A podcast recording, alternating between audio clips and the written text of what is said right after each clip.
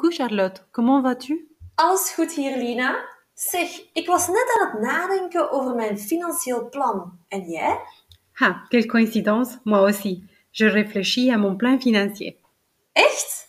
Hoe ziet jouw financieel plan er dan uit? Mon plan financier a plusieurs étapes et c'est surtout une idée générale de ce que je veux réussir à chaque moment de ma vie. Et toi, Charlotte? Mijn drie stappenplan ziet er anders uit dan dat van jou, Lina. We hebben ons financieel plan allebei in drie stappen ingedeeld. Maar onze stappen zijn niet identiek hetzelfde. En dat komt door verschillende factoren, zoals onder meer het verschil in leeftijd, ons verschillend einddoel en het feit dat we een andere job hebben.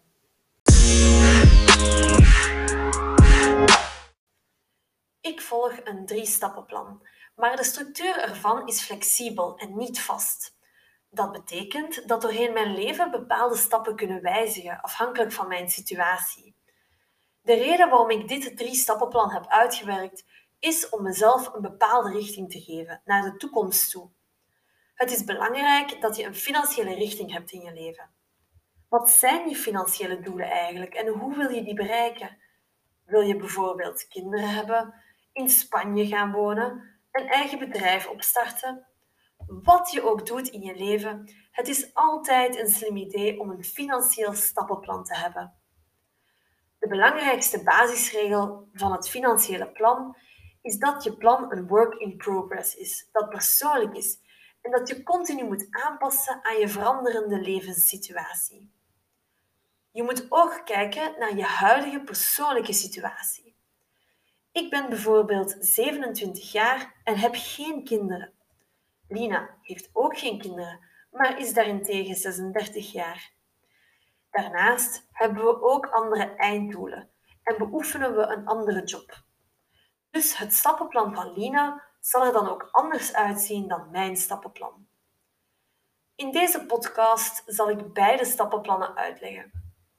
Hoe jonger je begint, hoe beter, want je hebt meer tijd om over je plan na te denken en je hebt de luxe om bepaalde beslissingen uit te stellen. Lina daarentegen heeft minder tijd en zij zal ook sneller moeten gaan dan mijn plan.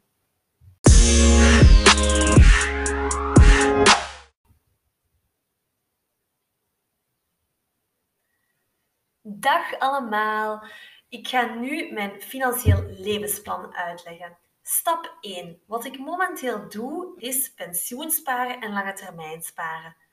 Waarom doe ik dat? Ik doe dat om mijn belastingen te verminderen. Daarnaast heb ik er ook voor gezorgd dat ik een gediversifieerd actief inkomen heb. Dat wil zeggen dat ik minimum twee actieve inkomens heb. Naast mijn hoofdberoep heb ik dus ook een loon via mijn bijberoep. Ik heb ondertussen ook een woning gekocht, meer bepaald een appartement. En in dat appartement is er ook een extra kamer en een garagebox. En ik zou deze twee kunnen verhuren. Dat zou dan mijn eerste passieve inkomen worden. Ik heb er ook voor gezorgd dat ik een bepaald noodfonds heb. Dat is drie tot zes maanden loon. Ik heb dit noodfonds gecreëerd om, om op te kunnen terugvallen mocht er iets gebeuren. Stap 2. Ik zou graag in de toekomst een auto kopen. Daarvoor moet ik gaan kijken voor een autolening of een autoverzekering. Ik weet niet of het financieel voordelig zou zijn om een auto te kopen. Momenteel gebruik ik openbaar vervoer en dat werkt prima voor mij. Op termijn zou ik willen kijken of een auto kopen haalbaar is, of ik misschien beter overstap op, op Cambio, of ik toch beter het openbaar vervoer blijf gebruiken. Wat ik wel zeker wil doen, is beginnen met investeren in de beurs, meer bepaald ETF's, maar daarover meer. Dat zou dan mijn tweede passieve inkomen worden. Ik zou dat dus genereren via aandelen. In de laatste stap, stap 3, zou ik graag een tweede woning kopen als investering. Dat kan dan fungeren als derde passieve inkomen. Uiteindelijk zou ik graag mijn eigen bedrijf opstarten samen met Lina en zou ik de Bibi Fin Club willen uitwerken tot een bedrijf. Ik zal nu uitweiden over Lina haar stappenplan. Lina haar stappenplan is ook onderverdeeld in drie stappen. Net zoals mij heeft zij een woning gekocht. Het enige verschil tussen Lina en mij is dat Lina uh, samen een woning gekocht heeft met haar man en dat ik dat alleen heb gedaan.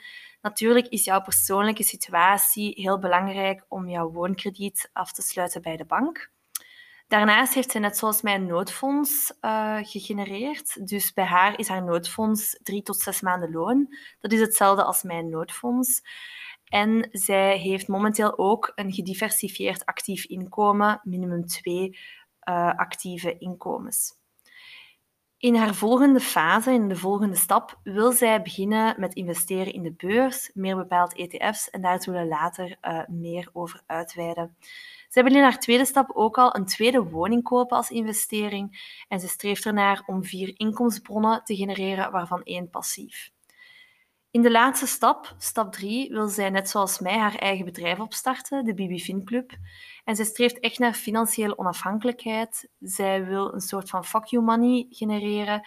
Zij wil ervoor zorgen dat haar bezittingen haar schulden dus afbetalen. En zij wil tenslotte zes inkomensbronnen hebben, waarvan vier passief.